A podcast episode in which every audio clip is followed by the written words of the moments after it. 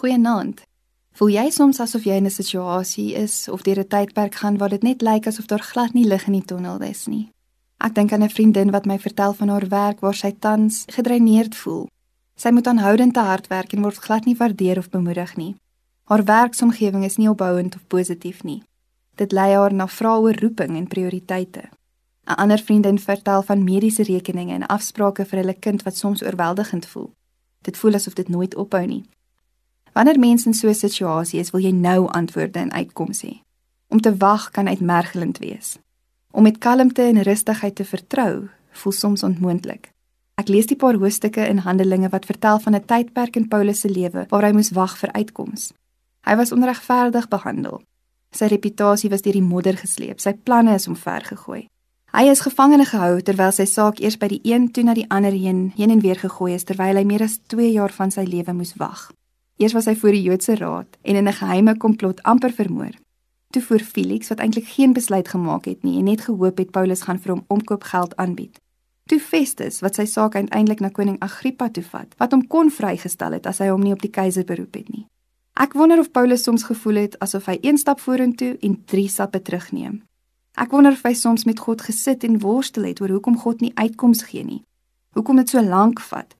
Hoekom moet hy ly? Hoekom maak God nie deure oop sodat hy kan aangaan met dit wat die Here hom voorgeroep het nie? Geduld is ook nie my sterkpunt nie. Ek het dit weer besef toe my 5-jarige so rukkie terug toe ek met iets gesukkel het vir my in die oë kyk en stip vir my sê: "Mamma, geduld." Tog besef ek dat die geduld wat ons nodig het terwyl ons wag vir verligting, uitkomste en antwoorde, nie 'n sinnelose dooie wag is nie.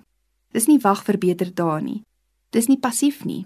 Dit is afwagting. Daardie oomblikke van wag is vol, vol beloftes, bewyse van God se aktiewe teenwoordigheid. Dit is nie doelloos nie.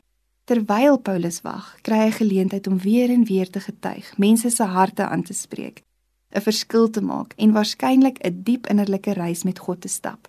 Wanneer jy in so 'n tydperk is, kan jy stop en teenwoordig raak. Dalk kan jy dan nie net die frustrasie en die vrae vaskyk nie, maar ook raak sien hoe God te midde hiervan werk. Dalk kan jy op 'n manier wag met afwagting, met vertroue, met rustigheid omdat God steeds in beheer is. In Paulus se geval wag daar 'n avontuur van wonderwerke net om die draai van die lang wag.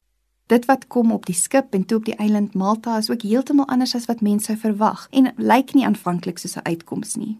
Paulus vertrou God vir elke volgende tree, selfs wanneer die prentjie voor hom nie sin maak nie.